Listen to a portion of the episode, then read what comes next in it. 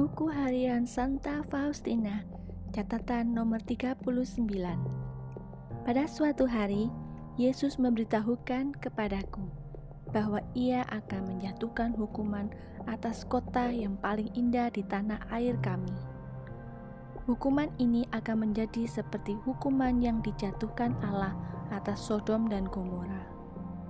Aku menyaksikan murka Allah yang amat besar dan rasa nyeri pun menyayat hatiku. Aku berdoa dalam keheningan.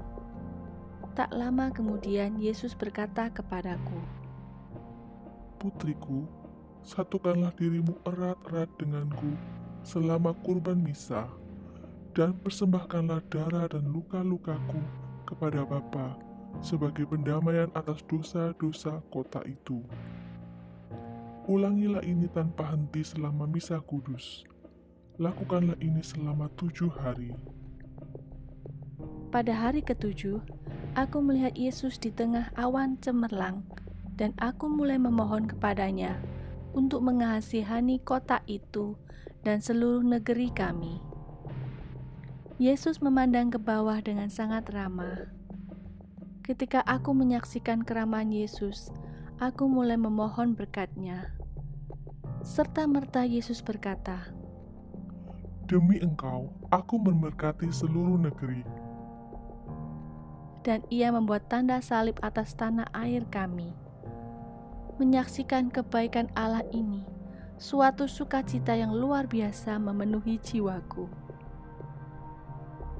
Catatan nomor 40 tahun 1929. Pada suatu hari, dalam misa kudus, aku merasakan suatu kedekatan yang sangat istimewa dengan Allah.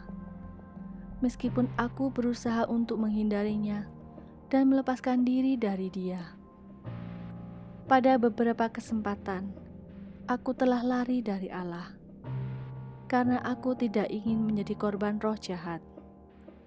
Karena orang-orang lain telah berkata kepadaku lebih dari satu kali bahwa begitulah halnya. Dan ketidakpastian ini berlangsung agak lama. Dalam misa kudus, sebelum komuni, kami harus memperbarui kaul.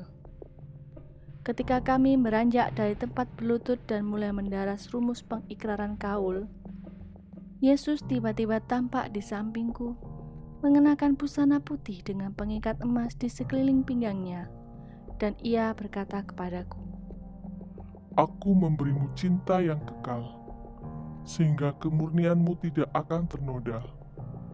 Dan sebagai tanda bahwa kamu tidak pernah akan takluk kepada godaan-godaan yang melawan kemurnian.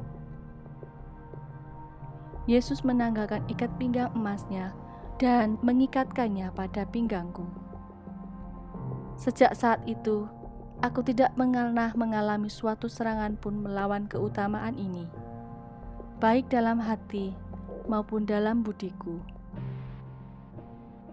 Belakangan, aku mengerti bahwa ini adalah salah satu rahmat paling besar yang telah diperoleh Santa Perawan Maria yang tersuci bagiku. Karena sudah bertahun-tahun aku meminta rahmat ini dari Dia. Sejak saat itu, aku telah mengalami perkembangan devosiku kepada Bunda Allah. Ia telah mengajar aku bagaimana mencintai Allah secara batin dan juga bagaimana melaksanakan kehendaknya yang kudus dalam segala hal. Oh Maria, engkau adalah sukacitaku, sebab lewat engkau Allah turun ke bumi dan ke dalam hatiku. Catatan harian nomor 41 Pada suatu kesempatan, aku melihat seorang hamba Allah sudah diambang bahaya melakukan dosa berat. Aku mulai memohon kepada Allah agar berkenan menjatuhkan atas diriku semua siksa neraka dan semua penderitaan yang ia kehendaki, asalkan imam itu dibebaskan dan direnggut dari kesempatan melakukan suatu dosa. Yesus mendengar doaku, dan seketika itu juga aku merasakan suatu mahkota duri menancap di kepalaku. Duri-duri itu menembusi kepalaku dengan kekuatan besar langsung ke otakku. Kesakitan ini berlangsung selama tiga jam. Tetapi hamba Allah itu dibebaskan dari dosa dan jiwanya diteguhkan oleh rahmat Allah yang istimewa.